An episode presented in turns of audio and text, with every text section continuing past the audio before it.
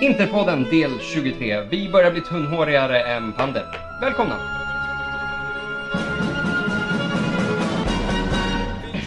Jajamensan, något sånt där. då. Interpodden del 23 efter den här totala kollapsen då mot Genoa som eh, ska bli fantastiskt roligt att prata om tycker jag. Eh, och med mig i det här lidandet så har jag den enda uruguayanen som inte erkänt Recobas storhet. Det är typ som att vara sosse utan att gilla Palme. Sendrak Thiago! Tack så mycket. Tack så mycket. Kul att vara här. Ja. Det var ju roligare förra veckan, om man säger så. Ja, absolut. Eh, med lite vinst och sådär. Eh, vi kan säga att även den här podden, precis som Sendrak och Binans förra veck- eh, podd förra veckan, gör vi face to face och det brukar alltid bli lite bättre studs i det hela då. Eh, idag kommer vi lägga eh, osedvanligt lite fokus på matchen som har varit och den kommande matchen sett till de två matcherna som vi då egentligen har att prata om och istället lägga fullt fokus på alla dunderfrågor som vi har fått in idag. Mm, riktigt kul. Vi har fått in riktigt bra frågor. Rätt svåra frågor också. Så vi ska Mm. väl dyka ner i de här. Precis, men innan vi gör det så måste vi fortfarande ta och prata Måste om... vi? Av, av, eh, av traditionella skäl ehm, så har vi ju den här det här fiaskot mot Genoa, om man nu kan kalla det det. Det var väl kanske inte någon som egentligen förväntade sig något annat. Vad tippade ni i resultat förra Jag helgen? tippade faktiskt 0-0. Så att, och sen så, Genoa har ju haft bra form. De spöade ju Lazio, har för mig, veckan innan. Så att, att vi skulle tappa poäng igår, det var ju inte särskilt oväntat. Inte för mig i alla fall. Men sättet vi gör det på, framförallt i andra halvlek, det kommer vi komma in lite närmare på. Men ja, vi kändes ju totalt ofarliga efter framförallt 2-0. Ja, alltså, och vi, vi skulle väl egentligen kunna börja där i slutet på första halvlek. Det här självmålet, man har ju försökt skylla på, på Ranocchia och man har försökt skylla på Handanovic och så vidare. Jag vill inte skylla på någon för det där. Alltså hur jävla mycket oflyt får man ha egentligen? Jo, men så är det alltså. Det är ett lag i dålig form och då, då går det ofta sådär. Och känner lite att det är precis som du säger, det finns ingen att skylla på utan det där är rena tillfälligheter Ja. och det är, det är ingenting man kan göra åt. Alltså att, och det, att det precis kommer innan halvleken gör att vi går in i halvtidsvilan med ja, men, dålig moral helt enkelt. Och vi hämtas ju riktigt aldrig efter det. Nej, och det var ju inte så att vi var nå Vi förtjänade ju inte att ha en ledning. Fast- Där i första heller. Det skulle ju i sådana fall vara Karamos. Ja, och där, men jag tycker ändå att vi startade lite avvaktande och det tycker jag var helt rätt. Alltså att Mm. Första pressen, första anstormningen, försöka lugna ner spelet lite. Men sen så tyckte jag ändå vi såg lite glimtar utav eh, höstformen där vi kombinerade oss fram ganska bra. Mycket en-touch-spel och sen snabbt ut på kanterna för att leverera inlägg. Så jag tyckte ändå första halvlek var helt okej och att Alltså vi saknar ju Icardi något enormt. Ja, vi, det- vi har ju ingen spets längre. Och det är ju det stora problemet. Eder som sagt, han gör sitt, han försöker löpa bakom backlinjer och så. Men när vi väl har inläggslägen så finns det ju ingen där inne. Nej, och det är väl det jag tycker att man skulle kunna kritisera Spalletti för. Att han måste, nu har det gått tre matcher här utan Icardi. Och vi spelar fortfarande på exakt samma sätt så som om vi hade haft honom. Och vi kan inte förvänta oss att, att Eder gör det jobbet som Icardi gör. Nej, absolut inte. För att Icardi är en världsklassanfallare bland de absolut bästa i världen. Och är en halvfet Joey Tribbiani eller vad du nu sa. Ja, precis. Eh, och honom, honom kommer vi ju hamra hejdlöst på, eh, gissar jag. Så, men jag tänker framförallt det enda försvaret jag ska ge honom är ju att vi kan ju inte hålla på och lira så här höga inläggsbollar på honom för han är för liten. Och det är ju inte gärna hans fel att taktiken inte har förändrats överhuvudtaget. För vad är syftet med att kombinera sig fram till ett läge där, vill, där produkten bara, alltså där slutprodukten som ska vara inlägget är bara är en ren chansning och inget annat. Men jag vet inte, vi saknar ju ändå egentligen alla spelartyper som Spalletti behöver för att få sin spelidé att funka. Alltså, vi har Ja. ju yttrar, eller han behöver yttrar som Mm. kan utmana, som kan slå sin gubbe. Alltså vi har ju Karmo i princip. Mm. Perisic helt under isen och skadad nu. Kandreva, ja, det är som ett ånglok. Man vet att det kommer fram, men det springs bara rakt fram. Alltså Ja. han är ju lika dum som en, ja, en stenvägg egentligen. Ja, händer ju och, och grejen är långsam Ja. numera. Alltså, vi... Ja, han har ju inte ens det längre. och Att han är så pass ojämn. För att han, det var väl ändå han som slog första inlägget till Karamo? vill Mm, jag minnas. absolut, Och absolut. han hade ju några gånger där han kommer fram. Men för att sen i nästa situation se ut som en korpenspelare i lägsta divisionen. Så, Mm. Ja, nej, jag vet inte. Eh, Man blir frustrerad, men samtidigt, jag, jag, ger inte Spalletti någon del i det här egentligen. Och vi kommer gå in djupare på det lite senare när vi kommer till frågorna.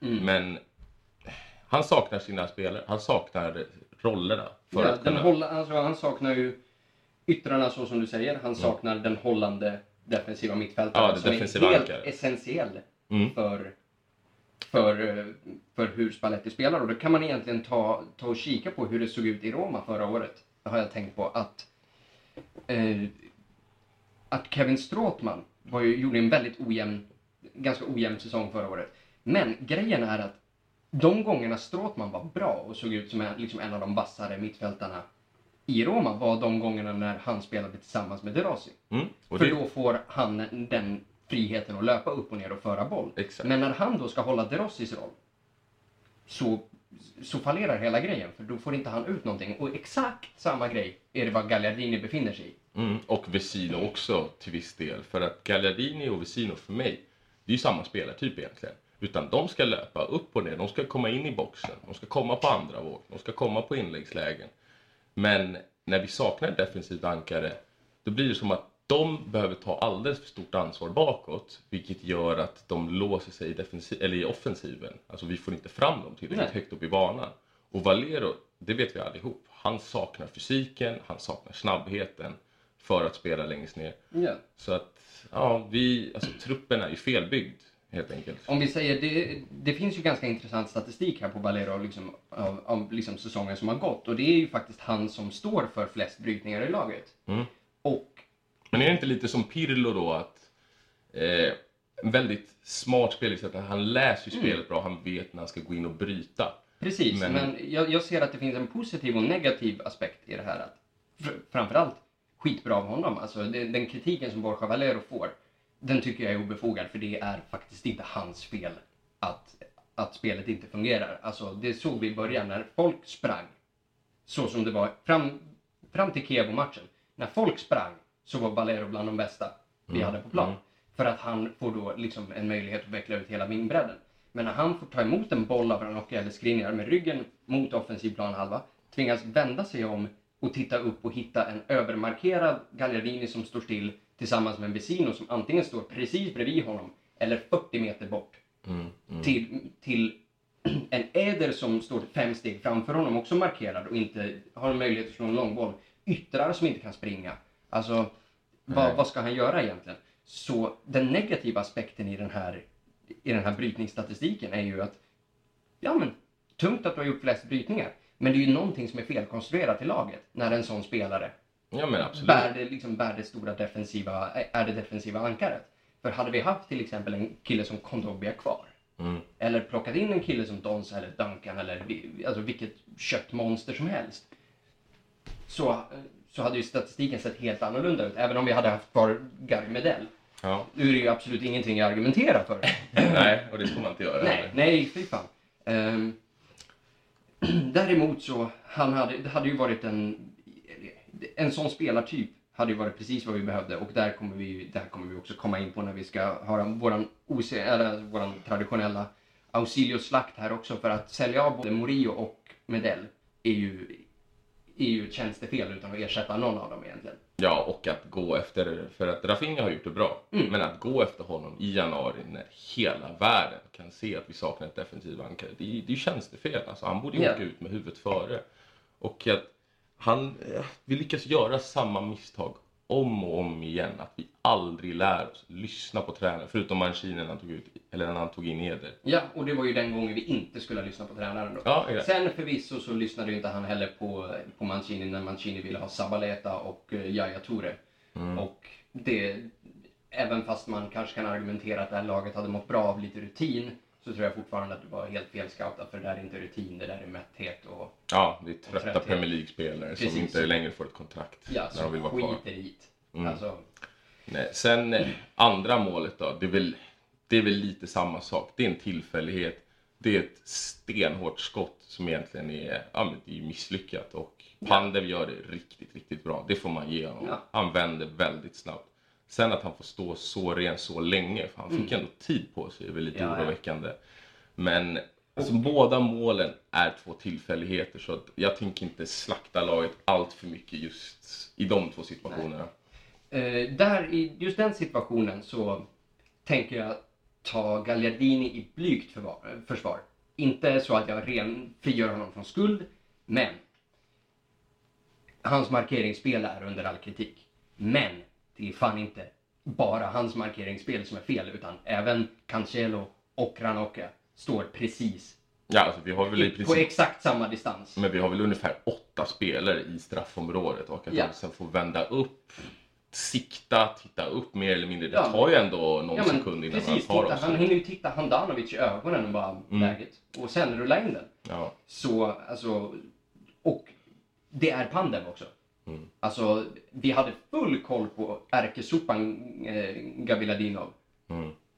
Helt, helt utan poäng. Han, vi, alltså, ju, de har ju en kille, som kan, två kanske med Laxalt, som kan göra mål i det där laget. ja, jag Och satt och att kollade. tappa en av dem är ju skandal. Mm. Nej, för jag satt och kollade nu på highlightsen innan jag kom hit och alltså, de hade ju egentligen inga klara målchanser. Nej. Inte alls egentligen. De hade väl det där skottet också. Vem var det som sköt det? Som styrde, som gick precis över målet. Var det...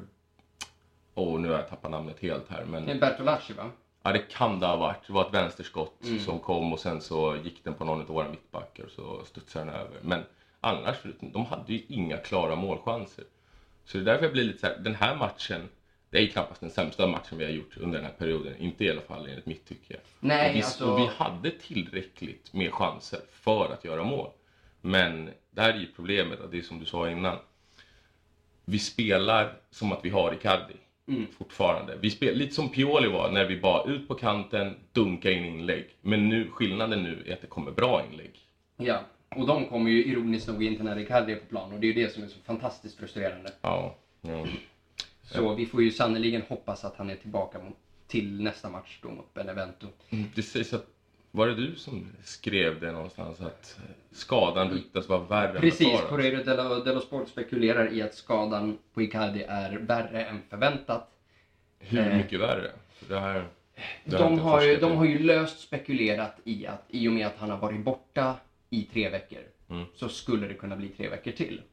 Det låter jävligt Och konstigt. då, alltså komma som- fram till det med... Ja, det är som sagt, det är, och återigen får vi ju highlighta vem skriver våra nyheter. Mm. Det här är ju tidningen som, som trycks i våra Champions League-platsrivalers stad. Jo. Så, och vi, som vi har redan har gått igenom, när det går dåligt för Inter en match så är det kris, men Lazio kan tappa mark mot oss i vår sämsta, sämsta period på Dock- hela säsongen och det är ingen kris i Lazio. Så, Dock så är vi ett mycket större lag och ett mycket större klubb än vad Lazio är. Så att det kan jag ändå förstå att inte får en krisstämpel lite snabbare än just Lazio. Däremot Milan borde ju ja, borde bli slaktade vecka in vecka ut egentligen. Så Precis. Eh, men framförallt så kanske man får liksom eh, omvärdera sin, sin filosofi lite grann i och med att vi har inte varit det här, det här potenta laget sedan 2011.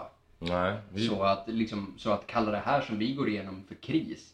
Alltså, det här är ingen kris, det här är en tisdag eftermiddag. För fan. Det är det är helt jävla normalt för oss i modern tid. Ja, men vi får dock aldrig hamna i det läget där fans börjar acceptera. För det är väl om man drar lite paralleller till kanske Liverpool-Arsenal. Mm. Där är det ju liksom, där är det ju kris så fort de tappar en match också. Mm. Och på något sätt, det känns ändå bra att fansen reagerar som de gör, att vi inte accepterar att det ser ut som det gör och det ser ut som det har gjort de senaste, ja men 2011 egentligen. Precis, det enda fansen behöver göra är att vi behöver skaffa oss tillräckligt med kunskap, tillräckligt med insyn för att hata positivt åt rätt håll. Ja. Och, inte, och inte sitta och bara det är lika bra att sälja Icardi. Nej, det är det inte. Det är, det är att sparka tränare till höger och vänster. Vi har gjort det här nu. Nu behöver vi titta längre upp. Okej, nu har vi haft 28 olika tränare. Men har vi inte bytt sportchef också ganska frekvent nu? Det kommer vi komma till i Ja. frågorna här, för det är inte så frekvent som man tror ändå. Ja, okej. Eh, Men, eh, ja, vad mer ska vi säga om matchen? Ja, det, det är väl inte så mycket mer att säga egentligen. Jag tänker att vi skulle kanske kunna glida in på, på Benevento-matchen. Mm, och jag känner väl att, ja men tar vi inte tre poäng där, alltså det är väl, Hemma mot Benevento, ja. det är bara att lägga ner då. Då, då får fansen strejka, ingen får gå på matcherna och bara glömma bort det här. Vi kör Ja. en Gnaget, vi tar nästa år igen. Mm. Och det är ju trist att vi varenda jävla vinter slash vår ska behöva känna, men nästa år. Ja men det är helt otroligt för att i år trodde jag ändå att när det gick ändå så bra det kände, allting kändes så bra med Spalletti. Det fanns ett grundspel, det fanns ett tänk, det, allting såg ut att flyta på. Jag tänkte ändå att även om vi åker på en eller två förluster, det gör ingenting för det här är så pass tryggt. Mm. Och nu står vi där igen. Om, om nästintill värre än vad det varit tidigare. Ja, det... Jag tycker ändå att vi har haft en hel del matcher där vi ändå spelat klart mycket bättre än vad vi gjort tidigare år. Alltså Absolut, kolla mot Sassuolo. det- Där bränner vi ju... Tyvärr får man ju säga, Icardi ger ju bort den Ja, matchen. den är fruktansvärd den matchen. Udinese borde vi ha vunnit också, helt Coppa klart. derbyt mot Milan skulle vi ha haft. Ja, den såg jag tyvärr inte. Då var jag i Spanien och njöt istället. Så att Ja, och jag ju- satt i Italien hemma hos tjejens familj som är milanist i hela högen. Så det var en jävla kul dag för jag är ju, som även är från Calabria, så de var ju, ja, man fick ju höra Crotone-torsken igen, eller Crotone-krysset där på samma sätt som man året innan fick höra torsken mot dem. Ja, men, men, men vad mer ska vi säga om Benevento? Det är, det är tre poäng som gäller. Ja, det, Benevento, vi kan ju bara för, för nördighetsfaktan så kan vi ju meddela att Benevento nu i januari har sålt sin bästa målskytt i Amato Cicciretti. Ja. Och han har sålts till Parma i en division ner. Så Benevento kan ju vara det laget som har gett upp mer än vad vi har gjort. ja, men de har ju redan förberett sig. De har ju insett att det här kommer inte gå att vända. Nej, så att, nej gud nej. Så här, ta, vi, Alltså vi man ska... kan ju inte spela alla matcher mot Milan liksom. Nej. Då tar man ju inte så många poäng. och det där kommer jag få äta så jävla hårt. Ja, nu när de kommer gå om oss ja. Är... Nej, jag menar mest nu när Benevento slår oss. Jaha, istället för- ja. ja, jag är ju orolig för att Milan faktiskt... Ja, det skulle inte förvåna mig om vi totalt säckar ihop. Ja, men det, där kommer, det där kommer avgöras i derbyt, skulle jag gissa på. För det, om vi säger visst, de tog, de tog imponerande tre poäng mot, mot Lazio. Mm. Det ska de ha, inget snack om saken. Men jag tror att om de går på de övriga poängen de har tagit, har ändå tagits mot klart sämre motstånd. Mm. Så skulle vi få lite, liksom, örfila oss själva lite grann, steppa upp ett game och kanske piska upp dem. Och jag tror att derbyt kommer helt rätt läge. För först får vi en, ja, men en gratis match mer eller mindre mot Benevento och kan få lite självförtroende. Och sen börjar de lite tuffare matcherna. Och det är ju faktiskt där vi har presterat som allra bäst egentligen den här säsongen. Och jag känner att när vi möter lag som försöker spela boll så skapas det också ytor bakom och då kanske vi också kan få se samma löpvillighet som vi har haft tidigare. För nu är det ju bara som att vi, är stat, alltså vi, vi ser ut som 11 koner mer eller mindre, Ja. där ingenting händer. Det hela, hela den grejen kommer vara att vi måste gå in med den matchen i, eh, i syfte att, i tron om att vi, vi är mycket bättre än Milan. Vilket jag fortfarande argumenterar att vi är. Ja, alltså absolut. Vi är klart mycket. Jag är inte ens orolig för Milan för att vara ärlig. Och det jinxar jag kanske skit i det här. Men... Nej, det, är- det är inget problem. Jag satt och sa innan förra derbyt att vi, det finns inte på kartan att vi förlorar det här. Nej. Och jag sa det hela vägen genom, alltså även i 85 minuten sa jag vi kommer ta det här. Ja, Sen ja. kom den straffen i slutet. Eh, hur som helst, Benevento är alltså, den ska vi ju ha. Mm. Oavsett hur dåligt det går, oavsett hur många som är borta och skadade. Alltså, Mm. Benevento är det absolut sämsta laget som har spelat i Serie A de på årtionden. Men Mirando och Perisic, är de tillbaka då? Sägs det vara så? Har du... Det, det har man inte fått så mycket information om. Eller Det- hur? Jag har alltså, inte det- sett något heller. Den huvudsakliga spekulationen har ju varit att alla tre ska vara tillbaka till Mm. den matchen. De flesta, alltså det var ju det var inte ens en, ett givet faktum att de skulle vara borta nu mot Genoa. Så mot Benevento förväntar jag mig full trupp. Mm, Mot Milan förväntar jag mig definitivt full trupp. mm, mm. Eh, annars, annars har vi problem. Ja, jo. Men eh, ja, ska vi hoppa in på frågorna? För de Ja, jag ju- tänker först Eller? får vi tippa resultat i Benevento-matchen här trots allt. Eh, Okej, jag kan väl börja då. Jag säger, ja, men jag säger 2-0. Jag tror faktiskt att Valero lyckas äntligen sätta dit sin första och sen Ah, han så... har väl gjort ett va? Har han det? Jag tror det. Ett mål har han gjort. Okej, ja men då gör han väl sitt andra då. Mm. Och sen tror jag faktiskt Skriniar, en av de få spelarna som man har respekt för i dagens Inter, sätter dit tvåan. Mm. Ja, jag säger i sådana fall eh, att Karamo hittar nätet igen. Eh, och bara för att jag fått bli killens typ Tom Hagen numera så kommer fan Gagliardini panga in den också. Bara för alla som... Jag, jag tycker verkligen att det är mysigt att, eh, att ni alla här i Facebookgruppen sitter och taggar mig så fort ni pratar om Gagliardini. Det, Ja, det, det känns, det känns skitfint Det är rätt märkligt faktiskt att Det- du får ta hela lasset för Gagliardinis Ja. sviktande form med tanke på att hela laget är mer eller mindre värdelöst. Precis, och det, var där, det är därför jag tycker att man ska vara, framförallt den matchen vi har pratat om, att man ska vara lite försiktig med att peka finger på den killen är en sopa och den är en sopa. Det här är inte Gallerinis fel, inte Ranocchas fel, inte Nej, alltså det är en fel, kollektiv inte- det kollaps exakt, som har hänt under exakt. flertalet tränare sedan 2010. Så att, Ja, och under flertalet matcher. Alltså det, att sitta och säga åh Gallerinis markeringsspel. Ja, okej, absolut. Det var ju inget vidare. Men det är inte så att vi har vunnit massa matcher innan. Nu, nu fick han starta och då torskar vi. Alltså det är inte... Mm. Hade, det varit, hade så varit fallet, att vi hade vunnit fem matcher i sträck, startat Gagliardini och han fuckar upp markeringen och vi torskar. Då, är då ska du ha skit. då ska jag ha skit för att, för, för att försvara honom. Mm. Men jag säger ju fortfarande att, och argumentet som jag gör är att jag tycker inte att Gagliardini gör en bra match. Jag tycker inte Gagliardini har varit bra alls den här säsongen. Men vi måste fortfarande skilja sopor från sopor. Mm, absolut. För det, vi har tre kategorier sopor i det här laget just nu. Vi har inga bra alls, men tre olika kategorier sopor. Och de kategorierna sopor är de mentalt störda, alla Brozovic, Eder, de här som egentligen är dugliga Gift spelare. i omklädningsrummet. Gift i omklädningsrummet. Talangfulla men... Men Ja. mentalt Rubbade. helt efterblivna. eh, sen har vi ju de renodlade soporna.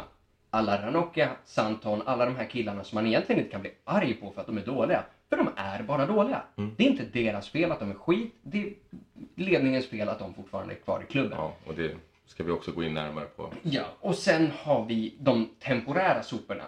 Perisic. I, Perisic, Gagliardini. För vi såg alla förra säsongen när Gagliardini kom in från Atalanta. Han var den absolut bästa mittfältaren vi hade. Mm. Och vadå, skulle, är han gammal och grå nu vid 23 och har tappat det där? Nej, det är klart han inte har. Det är sviktande självförtroende, det är ett icke-fungerande lag, ur position och så vidare. Sen, om det, sen att det ursäktar hans urusla spel, absolut inte. Men de är- här spelarna ska vi ha kvar, för de här kan man lyfta upp och göra spelare av i ett fungerande lag. Men är det inte det här klassiska Inter-syndromet att spelare kommer oftast med bra rykte, jag vill i alla fall, Mm. så var det framförallt under 2000-talet. Ja, Många väldigt fulla, eller väldigt talangfulla spelare så som Andy van der Meijde var en av de mest eftertraktade högeryttrarna i hela Mm. Europa. Du hade Sergio Conceição, Fabio Cannavaro är typexempel på en världsklasspelare egentligen Mm. som ja, men totalt viker ner sig när man drar på sig den blåsvarta tröjan. Och jag tror lite Gallardini har väl fastnat i den fällan att han, eh, han lider av intersjukdomen mm. helt enkelt. Nej men precis, och det är ju liksom den här tredje kategorin av temporära sopor. De blir ju det på grund av de andra två kategorierna. För att vi har spelare som, som Ranocchi. Alltså hur motiverande kan det vara? För en, alltså, man fattar ju att killar som Skriniar och Icardi börjar se sig om. Hur motiverande kan det vara när man ser killar som Nagatomo och D'Ambrosio och Ranocchia som får vara kvar år in och år ut trots att de aldrig har varit bra nog för Inter. Alltså inte under en enda säsong. Det är inte så att Ranocchia 2013 var bra och sen har han gått ner sig. Nej, alltså han har aldrig varit bra. Och D'Ambrosio, okej, men när D'Ambrosio är som allra, allra, allra bäst. Så är han en som, backup. ja, men så är han som en jävligt bakis Kibo. Alltså, och det, och det, det är så bra det kan bli liksom. Det, det, vad, vad ska vi gnälla på liksom? Då får man ju se till att göra sig av med, sop, med, liksom, med den här kategorin sopor tillsammans med giftet. Och som jag sa till dig innan, att man säljer av en klassspelare som Banega för att han, vad vi tror, hade en jävligt pissig inställning så är det ju helt bisarrt att Brozovic överhuvudtaget får komma in i Italien. Mm, mm. Nej, nej, Alltså, det, det det passet bättre. hade man ju klippt ganska fort om det är den här logiken som vi ska följa. Och då var väl ändå, alltså transfersumman det ryktades om Brozovic var väl ändå klart högre än vad det ryktades, eller vad vi fick för Banega Ja, Banega fick vi ju 9 miljoner för. Eh, 90 miljoner. Sen värvades ju han in gratis. Alltså utköpsklausulen som låg på Brozovic var väl en 13-14 mille, så det är inga pengar att snacka om. Men det börj vi börjar ju komma till stadiet att, men skit i pengarna. Ja men absolut, för att han, alltså ja, Banega kanske hade en dålig inställning, Mm. men det kan ju inte vara i närheten av vad Brozo har visat upp Nej. under sina år i Inter. Så att, Nej, Nej. Och, ä- och även om det var det så då ska ju båda ut. mm, Men vi kan ju inte, men bara de facto skeppa iväg Joao Mario som jag per se inte är emot. nej. För Joao Mario är en av de här, alltså mentalt riktigt svaga. Mm. Alltså han, ja, det, det verkar inte riktigt, liksom, självförtroendet slog i botten och han kunde fan inte simma ut. Okej, då får vi väl släppa då. Men att han släpps före Brozovic. Ja, det är Det, det, alltså det är ännu ett tjänstefel. Ja. Alltså, Han borde sitta i Haag alltså. ja, ja, alltså han och Ratko tillsammans. Alltså, det Ja. är... Helt Ja. klart. Alltså, och så kan vi ju bara hoppas att den här killen som tog gift där senast har en flaska till. Liksom. Det- Ja, gud ja. ja. Eh, hur som helst, jag tänkte att vi eh, släpper, Matcherna. ja, och så går vi in på frågor för vi har fått hur mycket bra frågor som helst. Och eh, det är väl det jag tänker att vi ska fokusera den största delen av det här Ja, men det är lite på. djupgående problemen i Inter. Eller i dagens Inter. Jajamän. Eh, så jag tänkte vi kommer ta dem i, eh, i lite random ordning så här. Eh, så jag tänkte att vi kan börja med Adam Slims fråga. Tror ni vi kommer till CL? Alltså det jag känner att Lazio tror jag inte har haft sin sista svacka. Nu gav de mer eller mindre upp Europa. Men de sitter också på en tunn trupp. Och de är bara en, två skador från att, ja, från att egentligen inte ha några ersättare, eller fullgod, fullgoda ersättare egentligen. Så att jag, Ja, jag, så ser, jag ser inte av, egen kraft, av egen form. Nej, det tror jag inte. Jag tror det handlar mer om att Lazio eller Roma eventuellt ska, ja, ska jobba, jobba inter, interstil eller vad man ska säga. Bara säcka ihop totalt. Men nej, jag tror inte att vi kommer till seger. Jag, jag hoppas av hela mitt hjärta, precis som alla andra, men jag tror att det kommer bli tufft. För att så här lång tid att inte komma ur en svacka och vi har mött så pass dåliga lag ändå. Så det, det är väldigt oroväckande. Eh, jag, jag är fortfarande försiktigt optimistisk. Eh, för jag har en känsla av att vi tar hand om derbyt. Om vi spelar, alltså jag tror att det hela kommer avgöras då. Tar vi tag i derbyt eh, så... Eh, och jag håller inte med dig, jag tycker att Lazio ser mycket bättre rustad ut än vad Roma gör. Mm, men jag tycker ändå att Roma har en klart högre, alltså de har ju mer spets än vad Lazio har. Lazio är för mig ett mycket bättre kollektiv kanske. Alltså att de har ju en fungerande spelidé, de har en tränare som har suttit i laget, absolut. Men de är fortfarande ändå ganska tunna och säg att de nu skulle vända i Europa, kanske inte mycket talar för det. Då sitter de ändå på rätt mycket matcher kvar. Och de, åkte de ut i koppan nu i och för sig, mot Juve? Mot Atalanta åkte de. Mot, mot Atalanta till och med. Och, ja, men Och det är väl Lazio... Ja, fast det är en match kvar. Eller hur? I semifinalerna. jag vill minnas att det är det. Alltså. För Lazio torskade mot Milan i första matchen, men det är ju ett returmöte där. Mm. Och sen är det ju Napoli och Juve kvar där också. Ja, just just. Ja, jag vet inte, men jag, jag, tror, jag tror det blir väldigt tufft för oss. För att vi... Min, min tro är ju att jag tror att vår största konkurrent här egentligen är Roma. Men vad är det som tyder på att vi ska vända det här? Alltså, det är, förutom att vi möter kanske lite bättre lag nu och att vi kanske äntligen får lite ytor och Ja, alltså... som springer. Det, ja, eh, jag kommer till det. Jag tror att om, om... För vi har ju den här sista matchen borta mot Lazio. Ja, men det Och vet den vi är, alla det den, kommer är, den är en fruktansvärd match. Ja, men om vi skulle kunna komma in till den matchen där ett kryss eller sådant innebär kvalificering för oss båda två. Så kommer det bli ett kryss. Mm. Ja, det blir För det. för Det vet man i Italien. Ja, ja, för Lazio, för, om, om Lazio får en chans att snärta Roma på näsan så kommer de, de skulle offra en tredje plats för en fjärde Ja, plats. det gjorde de väl där när vi, eh, när vi höll på att tappa ligan med, var det inte med Mourinho då? När Lazio mer eller mindre, alltså, när vi vann med 2-0 borta mot dem och de bara ställde ut skorna. Så att, ja, och de kan man ju räkna med att de kommer Mm. Ja. hjälpa oss, absolut. Men Eh, Men om vi kommer till punkten att den matchen innebär att vi och Lazio gör upp om den platsen. Ja, då är det helt jävla kört. Då har vi inte en suck. nej. Eh, Nej, jag, jag, jag, jag känner att det är svårt att vara optimist nu efter så här lång tid. Visst, det kan vända och tar vi derbyt, vi kanske får lite momentum då. Vilket gör att vi kanske äntligen hittar tillbaka till höstformen. Eller någonting liknande i alla fall. Och ja, vi helt enkelt börja spela bättre. Mm. Vilka fler har vi där? Mm, ja, så som svar på att eh, tror vi vi kommer till CL Jag säger nej och, och jag säger ja. Jag Mm. tror faktiskt att vi, vi kommer shapea upp det här. Eh, jag tror att vi är lite, lite för bra för att fucka upp det. För att fortsätta i den här svackan. Ja, jag hade trott... För jag, på samma sätt, det krävs precis lika lite för att vända det här och vinna sju raka som det krävs, krävdes för oss och fucka upp det totalt. Ja, jo. vi har i och för sig visat de tendenserna under andra tränare också. När vi har vunnit Mm. nio raka matcher. Precis. Så, att, ja. Och en sån run till. Låt Så har vi säga- Så har vi det.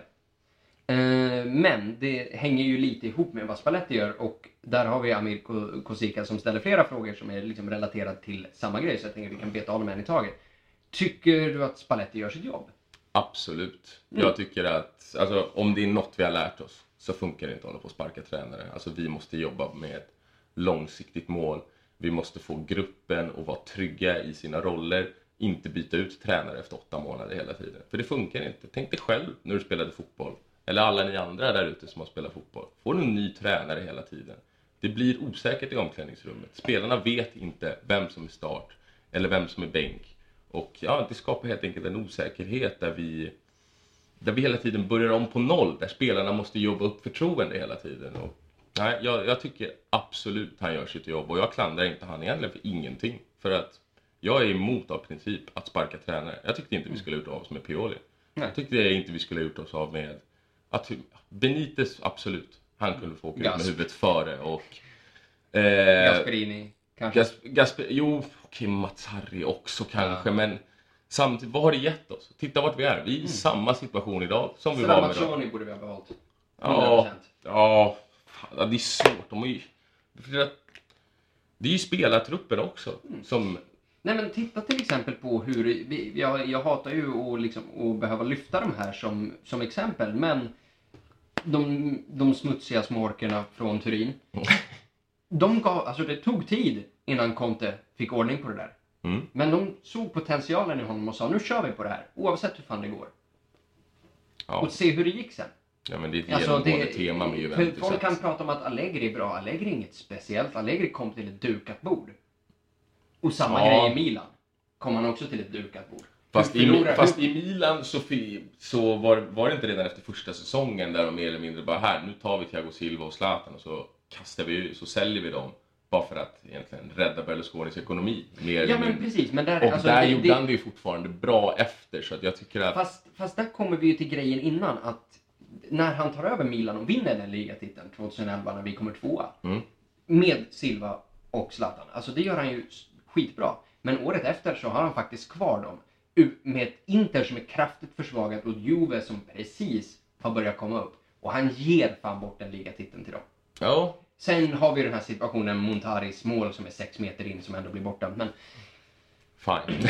som, som egentligen hade gett dem en ligatitel. Och att, att milanister fortfarande tycker sämre om oss än om Juve, det kommer jag aldrig, aldrig förstå. Nej, inte jag. Men de har väl alltid haft ett litet vänskapsband. Alltså Inter är väl lite den fulankungen utav de tre stora randiga lagen. Ja, det är väl det. Så, att, så är det när man har, när Berlusconi har Mediaset och att Juventus har sitt vidriga Totosport. Ja, Alltså, precis. Och propagandakanaler mer eller mindre. Så tycker du att Spalletti bör få nästa säsong också? Absolut. Alltså det, det finns, finns det något annat svar än Det skulle väl vara om, alltså Simeone är väl klar med Atletico efter den här säsongen va? Ja, men vad... vad skulle Simeone ens vilja komma? Alltså kolla Det- på det- det, här det- kaoset. Alltså varför skulle han vilja gå...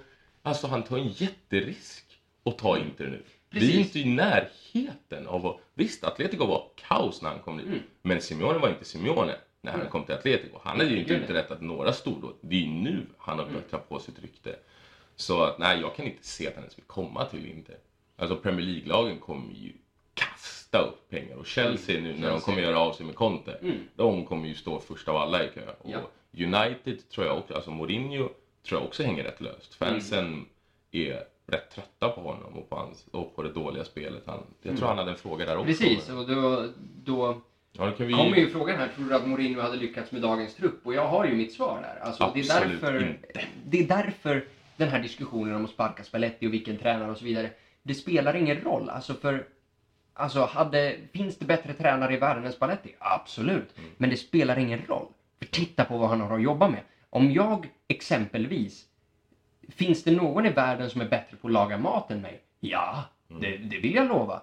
Men om både jag och den här världskocken får en, får en bajskorv att laga, Alltså vad, vad ska det bli av det? Ja, då blir Alltså, det skit. Ja, alltså så spelar roll hur bra tränare du har. Och sen Mourinho har ju faktiskt varit på nedgång ett ganska bra tag nu. Alltså sättet han tappade Chelsea, där det mer eller mindre blev revolution i laget. Mm. Ja. Där alla ville ha ut honom nästan. Ja, alltså för Och hans Mourinho, fotboll- Mourinho, har ju en, Mourinho har ju otroliga förmågor. Men Mourinho behöver placeras i rätt miljö och han var, för den tiden, var han helt perfekt för Inter. Mm. För han, har, han lyckades få in i alla de här spelarnas huvud att titta på hur vi blir bortdömda, titta på hur vi speglas i media, titta på hur fan alla hatar Men oss. sen hade han ju en trupp också. Precis, det är vi mot världen. Och då fick han den mentaliteten in i redan mentalt starka spelare. Alltså Exakt, Stankovic, där är ju stora. Stankovic, hade, Stankovic slet en knäsena för den där klubben och fan la sig inte ens ner. Kivo spräckte en skalle, var tillbaks på ett par månader. Alltså Zanetti, Cambiasso, ålderstigna spelare. Alltså, det- Materazzi gick in varenda gång han... Samuel, Cordova, alltså det är bara... Precis, det, är- det är liksom Det är lite skillnad på dagens Inter gentemot den truppen. Så. Precis, och, men och, Mourinho då, också. och då liksom att måla upp den här grejen i, till, i ett lag som Chelsea som inte har den... Alltså så här, men Chelsea-spelarna fattar ju bara, men vad snackar du om? Det är inte vi mot världen, vi är ett lag som alla andra. Vad, vad håller du på och piskar upp oss så här för? Det här är inget kul liksom. Och Nej, då och- får du den revolutionen. På samma sätt som Mourinho har ju en spelstil som den, den moderna fotbollen utvecklas. Exakt, hans, det är ju det jag ville komma in på. Hans fotboll är föråldrad. Mm. Alltså att jobba endast med riskminimering. Ja absolut, det är mer förlåtande i Italien. Det kanske det är och det kanske skulle gå lite bättre i Inter än vad det gjorde för han i Chelsea eller United. Men fortfarande, han saknar ett tydligt grundspel i offensiven. Mm. Och Alltså vi ser ju redan nu med spelarna vi har. Hur skulle han kunna få en Kandreva till exempel och helt plötsligt börja prestera? Eller en hjärndöd Brozovic? Eller Mm. Ja. En, ja, det, Nej, men för, för, för som du säger, alltså den, det Mourinho gjorde som senare... Som senare, som senare, alltså, eh, vad heter det, de, de tyska lagen i, i Dortmund och eh, Bayern München ett par år senare, de, när de, alltså, det Mourinho gjorde i Champions League är ju dödsstöten för tiki-taka. Mm. Som hade varit liksom den dominerade formen av fotboll. Att han fattade att okej, så här ska man tackla den. Och då slår man Barca. Mm. Och har man slagit Barca som då var världens bästa lag. Men då går man in i den Champions League-finalen mot precis vad fan som helst. Jag, jag argumenterar fortfarande att vad vi än hade mött i den finalen så hade vi tagit det. absolut. Alltså, det var ju problem. så fort de blåste av på Camp Nou så visste man att det här kommer vi ta. Ja. Det finns inte en chans att vi inte tar. Men eh, nej, Mourinho ska inte komma tillbaka och Nej. återkomster brukar rimma rätt illa. Så att, Mm. nej, vad, ska han göra? Han kommer ju aldrig kunna göra det bättre. Det kommer alltid, han kommer alltid jämföras och vi vet ju själva hur medien fungerar Mm. i Italien. Så att, nej, Mourinho ska inte komma till Inter. Nej, låt oss, förstår låt oss hålla honom på den pedestalen där, där han Ja, hör exakt. hemma för oss. Förstår faktiskt. du det här äh, vi mot världen-mentaliteten om man skulle implementera det i dagens trupp? Alltså, de hade ju skitit på sig efter Ja. en sekund. Det hade ju aldrig fungerat. Ja. Så, nej. Alltså det hade, man hade kunnat åka ut till Appiano och liksom sitta och se de här gruppkramas gråtandes. Alltså de hade aldrig klarat det där. Bara, vad är det någon som inte tycker om mig? Mourinho tack, men nej tack. Ja. Eh, eh, våran kollega Binan här undrar om vi kommer göra en Milan mot eh, Benevento, alltså få... En målvakt upp i röven i sista sekund. Nej, det, det tror jag inte. Jag tror att vi kommer spöa Benevento och jag tror att vi kommer göra det ganska stabilt faktiskt. Mm, ja, eh, Daniel Hamilton här har en ganska bra fråga. Ehm, han säger att det vi ser är en alldeles för tunn trupp och spelare som är matchtränade. Men hur viktar ni det låga antalet matcher mot att vara utvilade varje vecka? Och det här är ju ganska intressant, alltså att hur kan vi se så trötta ut när vi spelar så lite? Ja, du, alltså... Jag vet inte. Utvilad eller inte, truppen är felbyggd. Mm. Alltså, vi saknar ju rollspelarna för att spela spelet i spel. Vi har ju två liknande spelare i Gallardino och Visino. Två tvåvägsspelare. Vi har en Valero som är en spelfördelare, men det som jag varit inne på, vi saknar ett defensivt ankare. Och att jag tror att det här med att de ska vara utvilade eller inte, att de ska vara fysiskt trötta, det är, det är inte riktigt det det handlar om. Utan det är en mentalt svag trupp som egentligen eh, som är, har bara tappat formen och har visat upp exakt samma mönster som vi har gjort tidigare år. Ja, för som sagt, jag tror inte heller att det nödvändigtvis handlar om trötthet. Nej. Alltså, det handlar om att i och med den här självförtroendesvikten så har man liksom någonstans glömt bort vad fan man ska göra. Alltså, om vi, du lyfter till exempel Vesino. Det där var ju en, i början på säsongen en av våra viktigare pjäser. Mm. För, just för hans löpvilja. Så mycket yta han drog upp, så ofta han, han var öppen för att spela. Alltså, han tar ju fan inte en löpning korrekt längre. Nej, och det, kan ju, och det här är ju elitspelare. Alltså, vi snackar ju proffs som det enda de gör är att träna i princip. Och att nu när vi inte har Europa, att de skulle vara, att de skulle vara slutkörda, det, det köper jag inte alls. Det, det, så får det inte vara i alla fall. Och om det är så, då måste man ju fråga sig vad fan de håller på med på träningen. Ja, men, men precis. Alltså, för, och det här går ju liksom... Det här går ju in i, vidare i, i Daniels följdfråga här, att, liksom att vi inte skapar chanser förrän liksom, i slutet av andra halvlek och liksom varför man inte släpper på handbromsen tidigare. Och det är mycket frågor här även från Jon Sköld som undrar hur inte strategi för mental träning ser ut. Men vänta, tror du inte det där just att vi skapar mer chanser i slutet, det handlar väl lite mer om att Genoa mer eller mindre ge upp all tanke på att försöka anfalla, utan att de bara lägger sig ner i straffområdet och väntar på att vi ska ja, bombardera dem med inlägg och... Alltså- Jag, jag vet inte, jag tror att det handlar om, jag tror att allt det här handlar om rädsla och, liksom, och det ska, jag ska försöka få in all mental, liksom de här men, mentalitetsgrejerna på en gång nu och jag tror att det handlar om rädsla. Att man är så jävla rädd för att släppa in det här målet. Men när man då har gjort två, så när man då är det bara att köra egentligen. Precis, alltså Mm. då, vi, vi förlorar redan, då kan vi lika gärna ge allt för att Mm.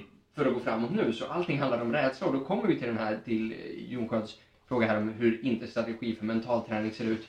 Och Så det är ju väldigt svårt att säga med tanke på att vi har egentligen noll insyn i klubben. Vi precis, det enda som vi, det enda som vi, som vi liksom vet med säkerhet är ju liksom det Ranocchi har sagt, att, hur han har jobbat med sin psykolog. Och vi hoppas ju innerligt att det finns någon form av reklamationsrätt där, för eh, det gick ju som det gick. Men det hela handlar ju om vad värvar vi för spelare?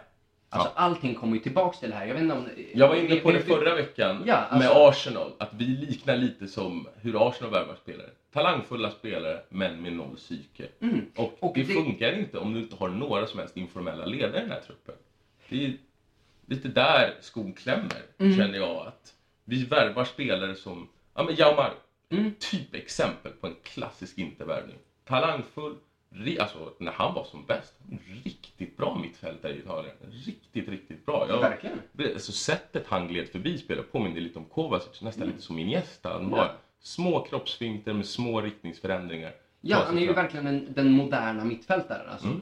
Snabb och smidig från mittplan men också med lite, lite kraft i kroppen. Mm. Men allting det här handlar ju om scouting i grunden. Och Ben i, i The Interpod tog upp det här eh, i, i kontext med det Kondogbia sa förra veckan. Eh, Kondogbia gick ut i media och sa att eh, Jag var inte eh, jag, jag var inte re, mentalt redo för, för att axla den tunga vikten i Inter. För jag liksom värvade, jag var dyrare än vad Ronaldo var. Och bla bla bla bla, bla. Så vadå, alltså killen själv vet att, vet att han inte är mentalt redo redan innan han signar kontraktet. Men våran fucking sportchef, chefscouter, de kan inte se det här. Men alltså att man inte, alltså man måste väl göra någon form av intervjuer eller någonting. Precis, eller alltså, och det, där kommer ja. jag ju till. För Ben gjorde ju den poängen i den, i den podden hur, eh, hur eh, Leicester värvade Kanté från franska andra divisionen. Mm. De, de på riktigt ringde upp gamla, gamla roommates till Kanté från år tidigare och frågade hur är han, liksom, hur är han att bo med, la la la la la la. Men alltså det här borde ju... Alltså, De la ju nästan ett år av scouting på den här killen. men, alltså, ja, det... och titta vad de hittar. Och vi kan inte liksom, vi kan inte så här, hur känns det? Vi kan Men- inte möstra upp den jävla frågan liksom. Jo, men det är också en mycket större klubb än vad Leicester är. Det är helt andra krav om du jämför med Leicester. Så att absolut, självklart ska man ju göra en djup analys när det gäller den mentala biten hos spelarna och hur mentalt starka de är.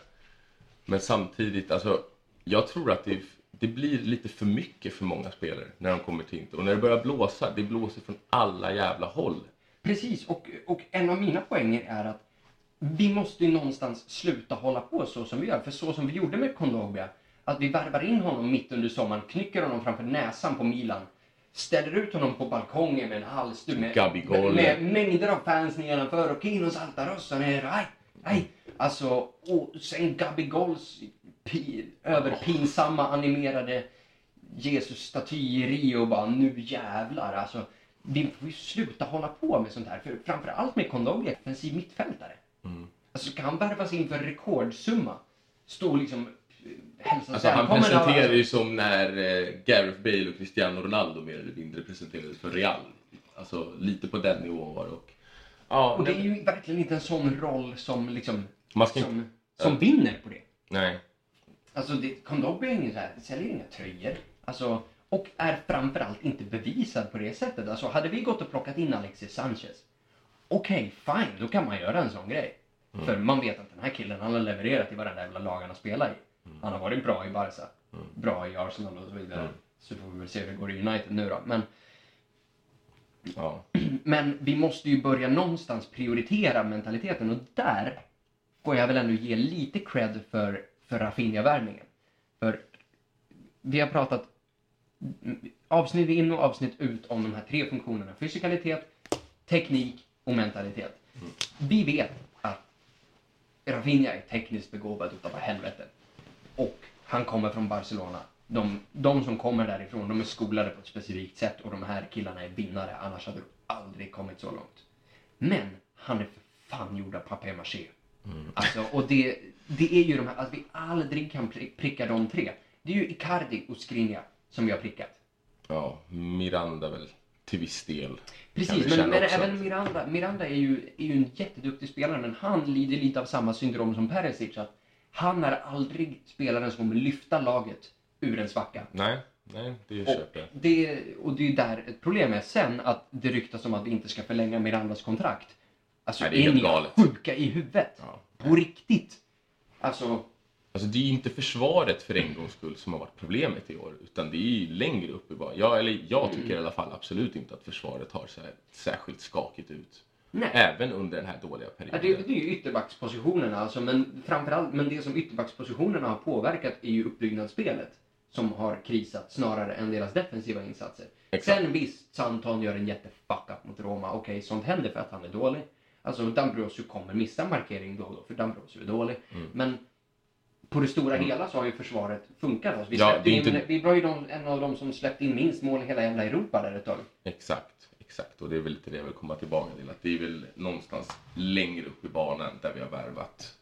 Ja, eller inte har värvat, rättare sagt. Ett defensivt ankar till exempel. En ny ytter. Alltså för vi alla vet, vi såg Kandreva förra året. Alltså, på riktigt. Hur fan kan man inte försöka ersätta honom? När du, när, när du vet att Spalletti spel bygger väldigt mycket på yttrar som kan, som jag varit inne på tusen gånger redan känns det de här två poddarna jag varit med. Han behöver spelare som kan slå sin gubbe. Ja. Och ja, då sätter du dit ett jävla tåg som inte kan göra någonting annat än att springa rakt fram. Så, så för att besvara den här frågan om, om mental träning. Eh, alltså på den här nivån som vi är. Vi ska inte behöva träna våra spelare mentalt. För titta på till exempel allt som kommer upp i Barcelona eller Real Madrid. De här kommer ut på planen sin första jävla match som att det är inget. Men tror du inte att de jobbar då? Med Precis, men de här eller? är ju så skolade så långt innan. De, är, de har varit i deras ungdomsakademier hur länge som helst. De vet att det är Real Madrid de lirar för. Men alltså, Så vi behöver ju antingen börja värva från lag där spelarna är vana vid en hög press. Eller så får vi börja göra seriösa investeringar i vår ungdomsakademi. Skapa oss ett jävla B-lag. Och faktiskt drilla våra ungdomsspelare. För, alltså, för vi vet ju, alltså kolla på killar som faktiskt har kommit upp. Till exempel Benassi eller Duncan. De här som har kommit ur våran Primavera, de här chokar inte. Nej. För de här vet, de här har sedan barndomen med sig att det är inte det jag spelar för. Men det innebär det här, det här och det här. Men jag tycker att alltså, ända sedan jag har hållit på Inter, det är, det är några år nu. Det är väl eh, sedan 98 liksom. Jag ska inte säga att jag följde laget supernoga då. Men det är ett genomgående tema. Precis som jag var inne på. Sergio Conceição, Andy van der Meijde, Fabio Cannavaro. Alltså Kili Gonzales, jag vet inte om du minns honom, ytter argentinare och kom, är också en riktigt bra ytter. Champions League-klass. Mm. När kom han? Oh, Ungefär. eh, ja, vad kan det ha varit? Början på 2000-talet där någonstans. Ja, då är jag väl sju bast kanske. Ja, sånt ja. Så det Nej men det är alltså fortfarande det var klassspelare som kom till Inter och som chokade. Så att jag tror att det sitter, lite som man pratar om att i Juventus, att det sitter i väggarna. Att det blir vinnare. Lite samma sak sitter i väggarna, att vi blir förlorare. Sen ska det ju sägas att det kommer fantastiskt mycket fucking skräp ur Juve också. Alltså, Storaro är inte, är inte en bra spelare. Såna här killar som Nej men du, Paolo Ceglie och så Ja men en liksom. sån som Asamoah. Mm. Ingen speciell spelare. Hade han varit i Inter, han hade varit helt värdelös. Mm, Och det borde jag sätta. Ja, exakt. Men i Juventus så fungerar han. Mm. Och därför, Lichtsteiner, det är ingen klass ytterback på Absolut något inte. sätt. Men de får honom att fungera. Och det är sättet de förbereder sina spelare på, precis Mm. som du var lite inne på. Och jag tror att det, det har också att göra med att vi får inte glömma en viss Moggi i allt det här. Att Nej. när Moratti spenderade som mest pengar, när han bara kastade ut pengar som, ja, som att det vore liksom, ja vad fan nu man ska säga, men du förstår vad jag menar i alla fall. Att sen då mot, eller motarbetas utav domare utav ett helt system egentligen, det gör att jag tror att hela klubben lider fortfarande lite utav det. För att vi ska komma ihåg, när vi vann alla våra scudettos och så, Juventus var inte Juventus. Alltså, det, och det är, säga vad man vill, och det svider kanske för Inter-fans att höra, men lite så Det är var verkligheten. Ja, tyvärr, det är det. Och jag tror att det, det hänger stor del ihop av att, för vi var ju mycket större lag än Milan till exempel, innan Berlusconi var där. Det Ja. var ju mycket, alltså Milan, det var- gick ett 50 år innan de vann en ligatitel. Mm. Så att någonstans så har senaste kanske 20 åren, förutom där vi hade 5-6 år där vi vann lite, Mm. så har det liksom, det har grots in i väggarna, spelarna kommer dit och chokar. Och det leder oss ju också lite grann in på Omar Khalids fråga här. Eh, som argumenterar att vad, om vi nu kvalar in till Champions League, vad är det egentligen som kommer bli bättre? För han menar att lag som Juve, eh, PSG, Real, Barca, Tottenham och så vidare, att vi inte är i närheten av dem i klass. Och det har han ju Helt rätt i. oerhört rätt i. Så vad är det egentligen som kommer bli bättre efter CL? Ja, alltså det, skillnaden är ju att vår transfer, alltså vad heter det, silly season Mm. blir helt annan. Vi kan ju gå efter helt andra spelare, vi får en helt annan attraktionskraft. Mm. Men ja, alltså kommer vi lösa de mentala problemen? Nej, det tror inte jag heller. Alltså, det, det skulle inte förvåna mig om vi, om vi kommer till Champions vi kommer väl åka ut i gruppen med ja, rätt ordentligt med stryk. Mm. För att det, det är så mycket djupare än att bara ta sig till CL och sen bli allt guld och gröna skogar. Ja, det där- såg, det såg vi hur vi åkte ut. Vi åkte ut mot Marseille. Mm. Och, då- och vi har åkt ut fan tidigare gånger när Dynamo Kiev har slagit ut oss. Alltså, Valencia. ja, eh, När, när, när, När Bordisso- David Navarro och Ja, bankar. Bordissos näsa. Det är jag förvisso för. För fan vad jag avskydde Bordisso alltså. Men ja, men där gjorde han ju sig... Där gjorde de rätt när de försökte slå ihjäl den där killen. Fan vad man för förbannad. Ja, ja, ja. Ja. Alltså, man, man kollade på biljetter till Valencia, sådär, helikoptertripp till Valencia den matchen. Ehm, Julio Cruz hoppsparkar i luften, han och Zanetti tillsammans. Han, Ja. Cordoba är det. Och så tror jag att Toldo också springer in i Ja, omklädningsrummet där efter. kroppsfinten. Ja, försöker... Cambiasso står och matar slag på någon jävel liksom. Fina argentinare alltså. Ja, ja. Kan inte De, ta ett de uttag. enda som inte slogs i den matchen var fan Ibra och Materazzi. Det var rätt sjukt ändå. Ja, det var nog rätt tur. Ja. Annars hade vi nog sett på dödsfall. Troligen ja. Men eh, nej, för att besvara frågan, nej det, det kommer inte lösa våra problem att bara gå till Champions. Men skillnaden blir ju att vi får andra spelare kommer bli intresserade. För det ska man komma ihåg, Inter är fortfarande en världsklubb. Alltså vi är stora. Spelare vill komma hit. Jag har ett litet, en liten annan infallsvinkel. Eh, jag ser inte att CL nödvändigtvis kommer göra det här så mycket bättre. Men om vi inte tar det så kommer allt gå åt helvete. Men För om vi inte tar CL så är Icardi borta. Ja, Skriniar med största sannolikhet, kommer Barca med 70 mille så är Skriniar bye bye. Och då står vi där på år 0 minus de två riktigt bra spelarna men vi har. vi står ju år noll varje säsong. Mm. Och det har vi gjort så länge nu så alltså, jag, jag börjar nästan, äh, jag vet inte men man börjar nästan känna att ja, det kanske vore lika bra om alla bra spelare och vi får rensa ut allt skräp och verkligen börja om från noll. För nu det känns som att man bara försöker täppa till lite hål varje säsong. Mm. Med en ny spelare här, en ny spelare där. Men vi gör ju samma fel hela tiden. Det är som Binan brukar säga, gör man samma sak så kommer man få samma resultat. Precis, och det är ju faktiskt definitionen av, eh, av att vara galen. Den Mm. kliniska definitionen av insanity är att göra samma sak och förvänta sig olika resultat. Mm. Ehm, men min huvudtes är ju att allting, allt det här som positiva som skulle komma med, skulle komma med CL innebär, alltså hänger ju på killar som Icardi och Skriniar för om de här lämnar, alltså okej det är mer cash in, det är mer cash in i kassan, vi kan göra saker för de pengarna.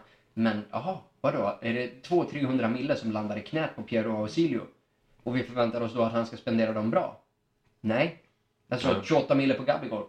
Ja. Alltså så... Dahlberg, som har han gjort två, tre starter i år. Ja. Kastar vi bort 30 miljoner euro. Liksom. Precis, alltså så det där är ju... Det, det är ju ingen... Och sen så vet ju klubbar om också att säljer vi Icardi för en miljard, ja Mm. men då vet ju klubbar det. Och om vi något vi har lärt oss, alltså förhandla är ju liksom, vi skulle inte ens kunna stava det med ett lexikon framför Nej, alltså killen som vi har kollat på, den här veckan så har vi haft scouter som kollat på Nicolas Nunculo i, eh, i Torino. Mm. Jaha, han- gick för 3,5 mille till Torino från Lyon. Ja, det där är väl en 20 miljoner euro. 20, det där är ju fan gratis. 45, lätt. Alltså det här, det är ju... Ja, nej, Så- så... nej, CL kommer inte rädda oss någonstans. Tyvärr. Nej, alltså det enda som jag ser att det kan, alltså vi behöver CL för att inte gå under. Mm. Och det är den, det är den infallsvinkeln jag kör till det där och eh, därför är det nästan ännu viktigare att ta den än för att bli bättre. Vi behöver ta CL för att inte bli otroligt försvagade. I sådana fall behöva gå för, visst om vi tappar Icardi och Skriniar, då sitter vi i samma sitt som Milan var i inför den här säsongen. Och vadå, ja, gick de och köpte var 15 spelare eller något sånt där? Se hur det gick. Mm. Och det där kommer inte hjälpa oss. Mm. Vad har vi för mer frågor? Georgios Ianoidis frågar, var tränarna efter trippen så jävla dåliga som alla verkar ha trott? Mm, alltså, om vi Ja. kollar, vi börjar med Vi kan ju Benitez då. börja från, från start. Benitez var väl första va? Benitez är ju direkt Och efter där, Mourinho. jag var oerhört kritisk till eh, att ta in honom som tränare. Och Moratti gick ju till och med ut och erkände efter att vi hade inte gjort en ordentlig scouting på honom, utan vi tog in honom för namnet. Mm. Och sen när du väl tar in Benitez, han ville ha tre spelare. Det var väl Dirköy, Mm. Mascherano, sen var det någon till vill jag minnas. Mm. Han fick ingen av dem. Vad fick han? Coutinho, en 60-årig Coutinho Mm. som inte ens fick komma till Inter. Alltså, det är klart att det går åt helvete. Jämför bara nu med Real Madrid som vann Champions nästa år. Gjorde inga som helst förändringar i spelartruppen. Kolla hur det går nu. Mm. Vi gjorde inga som helst förändringar i truppen. Vi värvade har- Ranocchia. Ja, okej. Och, vi, har- ja. Du ser. vi, hade den mest ålderstigna truppen som någonsin har vunnit Champions League, Mm. tror jag också. Vi var näst äldst i Serie A, enbart efter Kiev och vi vet ju vilket ålderdomshem det där var liksom. Nej, men så... Det, det var en felrekrytering från start. Men om du ändå nu ska rekrytera en tränare, då måste du ju försöka ge honom det han behöver. Precis som med Spalletti, som jag varit inne på. Du måste ge de gubbarna han efterfrågar. Eller åtminstone de rollerna Mm. han efterfrågar. Sen kan man ju förvisso fråga sig vad Benitez tänkte med. Alltså Mascherano. Alltså jag hade tagit Mascherano idag. Mm. Alltså, Mascherano, alltså, det han har ju uträttat i Barca, det är alltså, Och Det har varit nästan ännu mer imponerande det alltså som defensiv mittfältare i Liverpool. mm. Men alltså sen att skolas om till mittback i Barcelona, det är väldigt svårt att spela mittback där. Mm. Och det är, det är ingen tekniker vi pratar om direkt. Så att Mascherano borde vi ha tagit med facit i hand. Och jag tror att då hade vi ändå så pass bra rykte ut i världen och vi hade pengarna för att göra det. Vad med? Hade vi något mer på Jorge? Ja, eh, vilka fler ja. tränare? Sen kom Efter- Leonardo Mm. Och Som egentligen inte ens är tränare. Nej. Alltså en sportchef i grunden. som fick ta en tränarroll. Så, eh, nej, jag vet inte om vi ska gå igenom alla tränare. Nej, men alltså- problemet är att det funkar inte att sparka tränare hela jävla... Det spelar ingen roll hur dåliga de än är. För att vi sitter ändå nu, vi har, bättre, vi har en bättre tränare idag än vi har haft på flera år känner jag. Ja, Men som det- Mourinho egentligen. Alltså den mest meriterade efter Benitez då kanske. Ja, och kolla vart vi är idag. Alltså Spalletti har väl samma poäng som vi hade förra året. Mm. Är inte så? Och då hade vi Frank fucking de Boer som inte Och hade en aning om. Mm. Ja, och Pio, alltså... Nej, jag, jag, som det, jag tror att det sitter verkligen i väggarna inte. Det, är- Mm, det är alltså- så mycket djupare än bara tränare eller en sportchef eller spelartrupp. Utan den här klubben är sjuk från Mm. grunden. I kombination med att vi faktiskt aldrig ordentligt backar upp de tränarna vi har. Nej. Att om vi går, alltså vad, vad tränare vill ha. Till exempel Benitez som ville ha Dirk Kuyt och Mascherano och så vidare. Ehm, till eh, Mancini som ville ha Sabaletto och Yaya Toure. Till De Boer som ville ha this and that. Fick ingen av. Spalletti som har grinat där, som sa okej, sälj Kondogbia då, men då vill jag ha en ny defensiv mittfältare. Fick det inte på två fönster. Alltså, vad ska, vi vad tar in vi en offensiv skadbenägen. Alltså det är... Som inte har spelat ordentligt sedan april 2016 liksom. Alltså, eller Alltså, 2017. det, här lik, det här liknar ju när vi tog in fucking Tommaso Rocchi och när vi ryktades ta in John Karev. Alltså, är vi så dåliga på att hitta spelare? Det är, Ja, det är ju, alltså, vi har ju verkligen inga pengar att värva för. Alltså, och ja.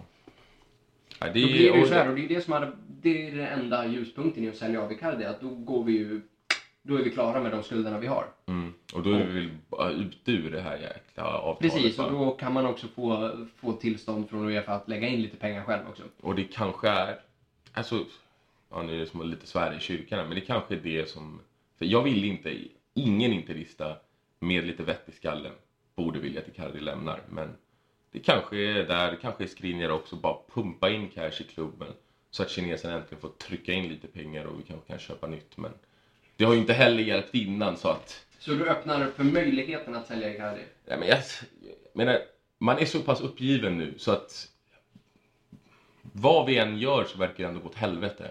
Varför inte bara testa? Nej, men, jag vet inte om det är rätt.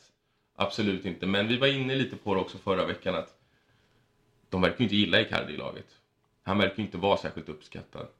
Och det var ju fel att göra han till kapten. Men problemet var att det fanns ingen annan. Nej. Det, och, det, och det är lite där... Och det gör det fortfarande inte. Nej, och det är lite där också skoklämmen att liksom Ausilio och nu Sabatini, de har inte lyckats värva in ledare till laget. Spelare som ska vara.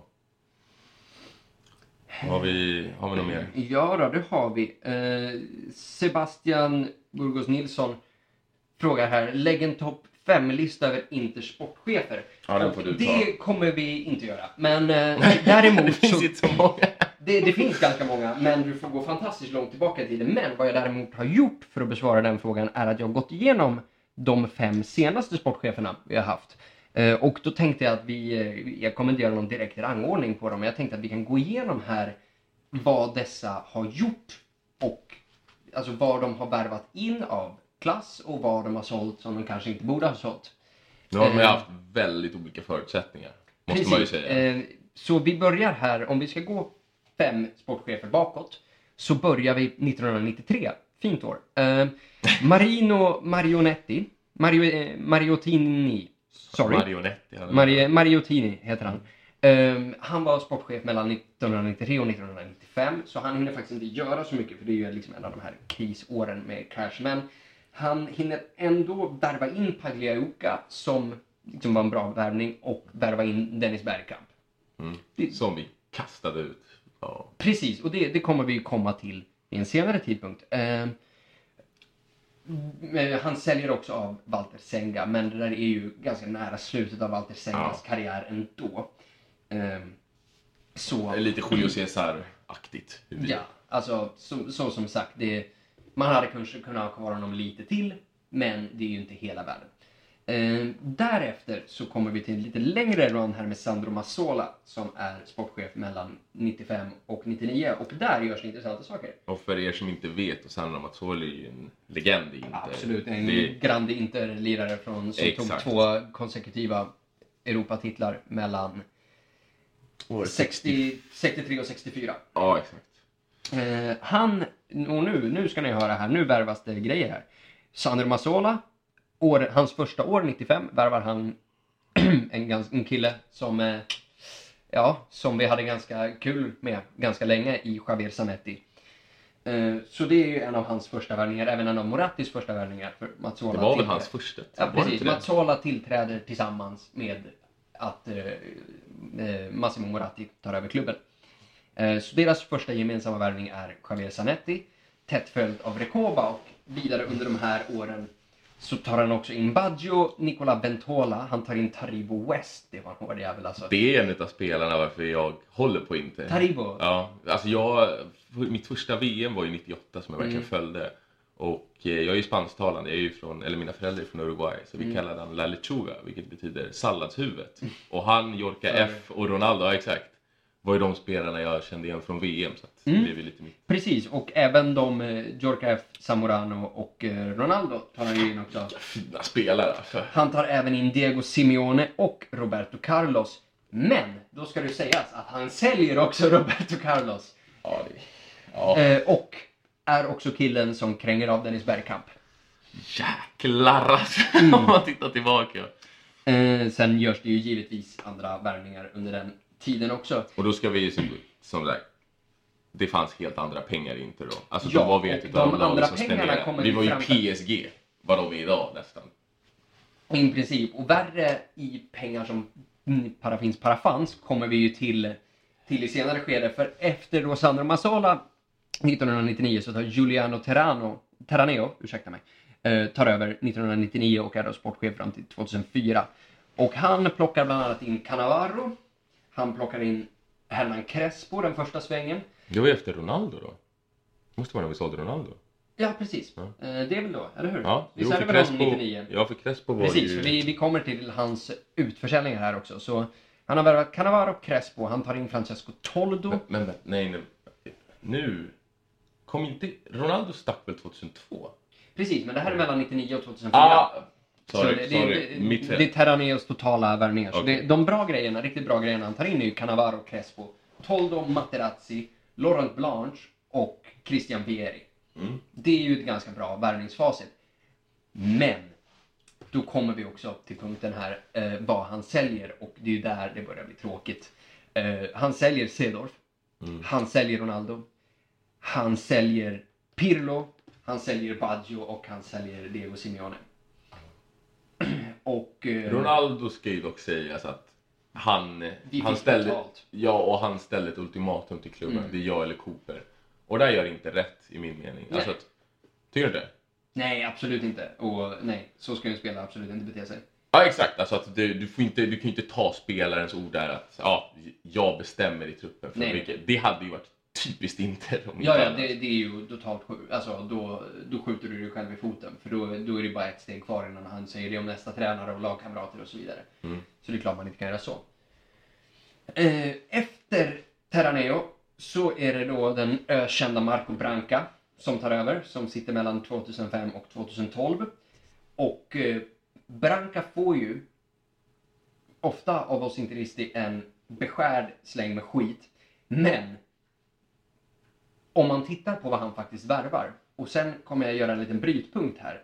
Eh, Mm. För under de tidigare åren fram till 2010 så värvar han Julio Cesar, Walter Samuel, Luis Figo, Douglas Maicon, Fabio Grosso, Patrick Vieira, Olivier Dacourt, Zlatan Ibrahimovic, Crespo andra svängen, Christian Kivo, Lucio, Wesley Schneider, Thiago Motta, Diego Milito, Samuel Eto'o, Goran Pandev och Felipe Coutinho. Allt det här innan. Från 2010 och bakåt till 2005. Sen kommer ju Financial Fair Play och där står han ju bland annat då för Skelotto, Kuzmanovic, Rocky och alla de här. Så där ser vi att Branca är ju en otroligt bra sportchef med pengar. Mm, exakt, han är väldigt potent när han har cash. Fantastiskt urusel utan. Eh, och de försäljningarna han står för. Eh, han säl- säljer av Obafemi Martins, Hernan Crespo. Alltså det är, ju- Crespo kommer ju på varenda lista här. Han kommer, alltså, det är ju en jävla rotationsdörr där. Eh, han säljer av Julio Cruz, Samuel Eto'o, Goran Pandev och eh, Marco Materazzi. Eh, Men var det inte lite så att efter vi vann trippen att Moratti ville ju börja casha in lite, alltså få lite tillbaka utav allt han hade lagt ut och det gick väl rätt Det- dåligt ja. för hans oljebolag vill jag minnas. Ja, Så det- att- vi kommer ju, där har jag faktiskt i, ytterligare en sån här split som jag kommer till. Okej. För det här att Moratti försökte casha in, det tror jag inte alls på. För vi fick ju fantastiska bud på både Schneider, Maicon och Melito efter trippen och han sa nej till alltihop. Vilket han med facit i hand nog borde ha sagt ja till. Eh, Då hade i och för sig fansen gått bananas. Så Precis, så. det kan man ändå köpa på något Mm. sätt. Precis. Eh, däremot så kan man se en ganska kraftig dipp i, i hur vi har spenderat eh, 2011-12. Mm. Och jag tror att det finns en politisk förklaring till det. För Moratti hade har Morattis oljebolag har ju majoriteten av sina anläggningar i Libyen. Det här sammanlänkar då med arabiska våren när, när Gaddafi faller.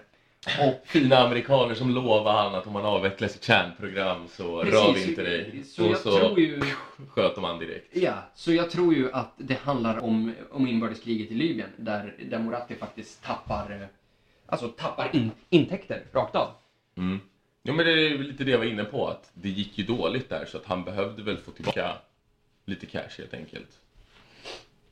Precis, och eh, då fram till 2000, alltså ja, fram till idag då, från 2012 så är det ju då Piero Ausilio som har, som har stått för in och utvärvningar och där vet vi ju, där har vi ganska bra koll allihopa på vad som har kommit. De bra grejerna är ju Icardi, Casano, Palacio, Skriniar. Skriniar, Eh, ja, jag tycker ändå att Handanovic är en, jag tycker Handanovic är en Handanovic är en bra värvning. Miranda är en bra värvning.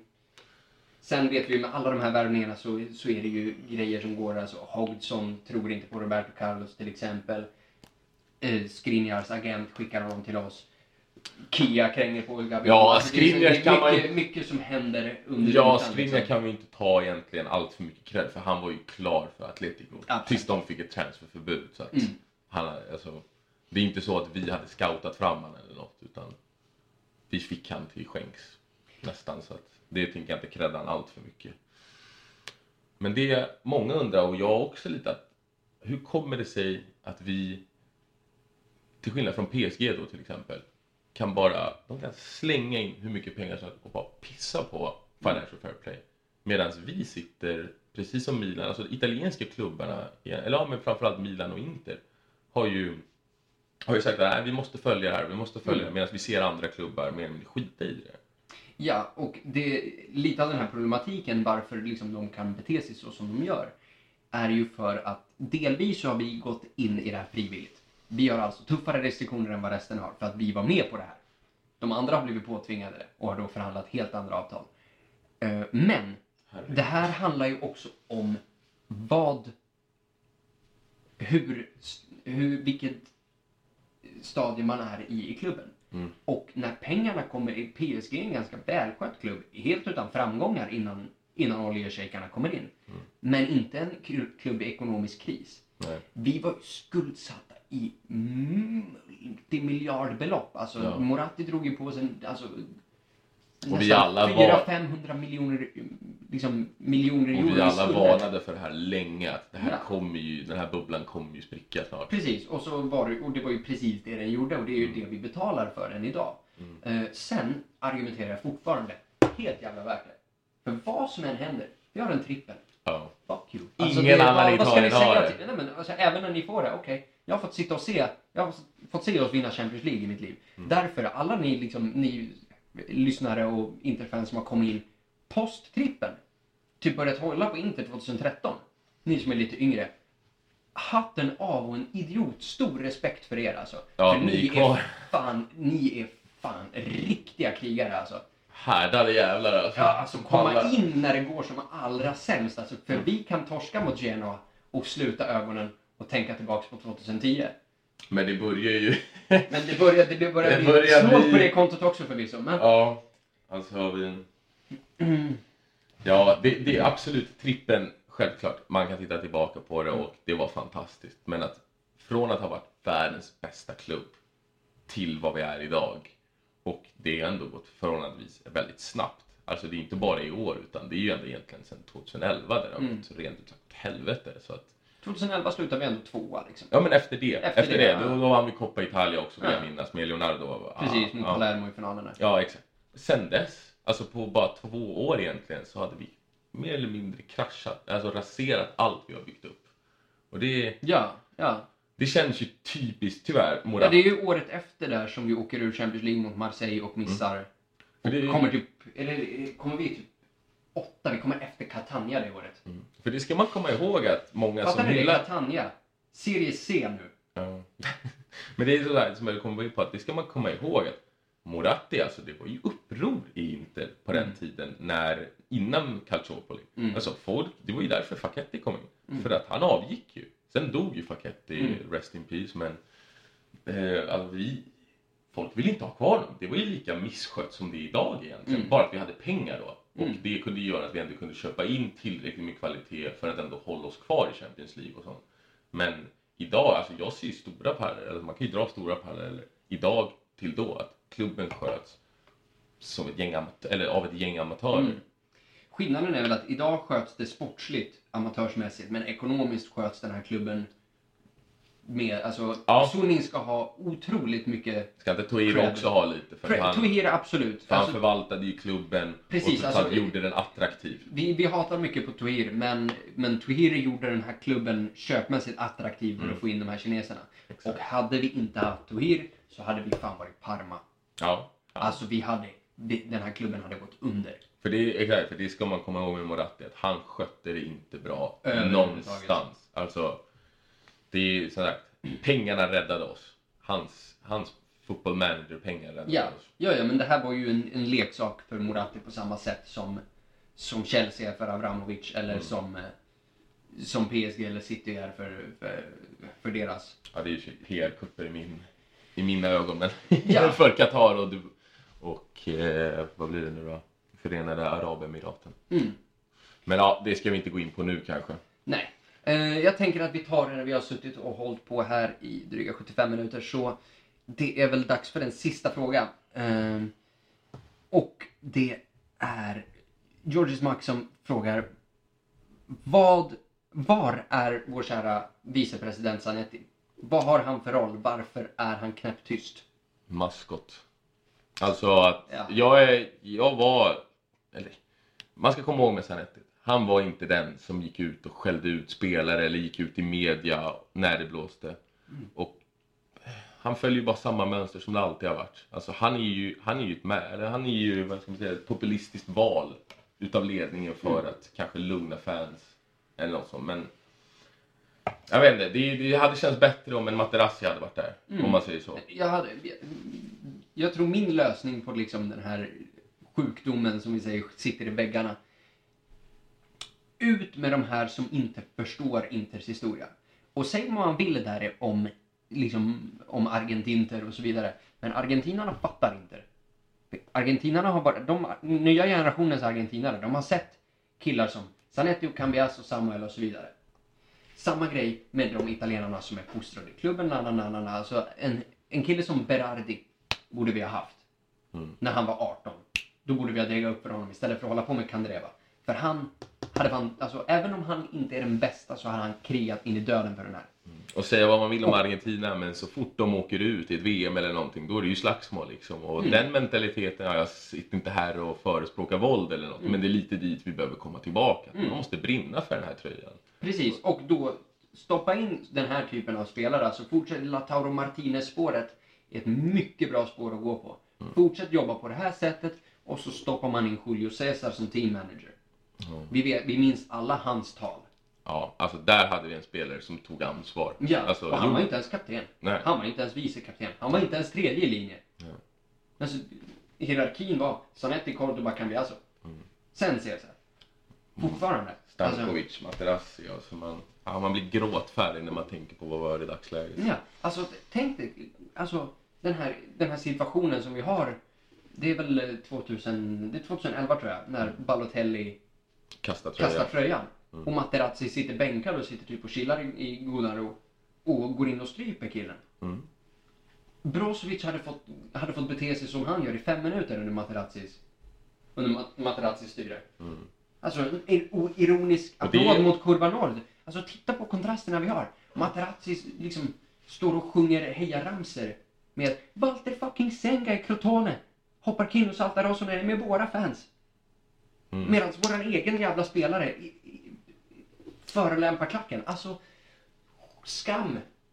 Ja, och där får man fråga sig lite vad, man, vad vi gjorde. Alltså vi, vi gjorde ju lite samma miss som Milan när man, vad heter det, slussade ut sina senatorer. Alltså vi klippte ju banden med i princip alla Mm. samma säsong. Alltså hur kunde vi inte ha lärt oss av vad Milan gjorde? Mm. Vi har efterbliven kusin på andra sidan gatan och vi gör exakt samma misstag. Ja, är alltså. Cambiasso var fortfarande, han tror jag la stor del eh, till, vad heter, eller han är en stor grundpelare i Leicesters, vad heter det, i deras Det Premier League-titel. För att han var absolut. en kille som kom in med en mentalitet. Han gjorde dem liksom, fick dem att förstå att det här är det som krävs. Mm. Och vi bara, tjoff, ut med skiten. Ja, alltså, alltså precis att det är fyra personer som går, går samtidigt där. Alltså, Och att det är så pass starka ledare liksom. Och nu sitter vi som ett jävla light Arsenal med massa jävla halvtalangfulla spelare utan någon som helst skalle. ja. Ja, men vi ligger ju fyra i alla fall. Eller ja, tills imorgon kväll då. tills var, ja. Det kanske, vi kanske låter lite väl negativa och ja, det går, Och det är bara för att vi är det.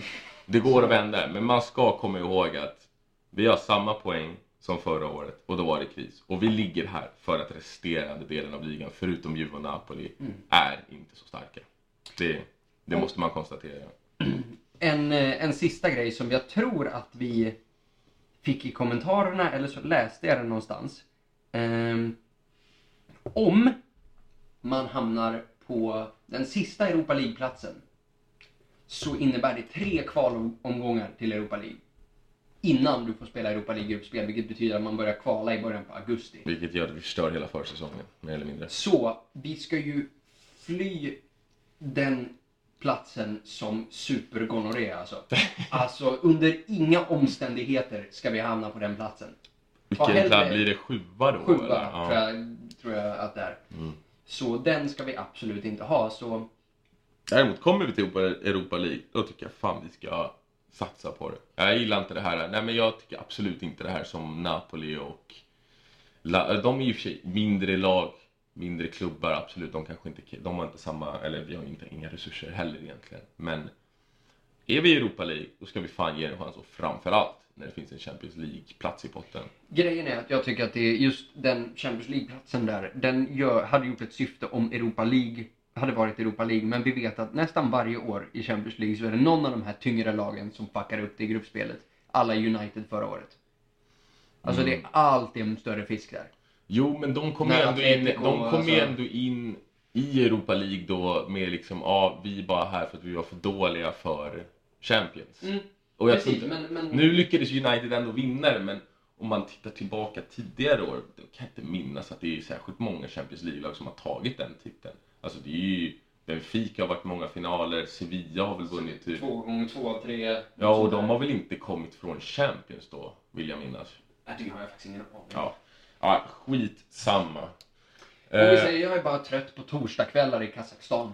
Ja. Det, Jag är trött på att prestera en hel höst, få upp hoppet och sen totalt rasera som vi har gjort nu. Flera år i sträck. mm.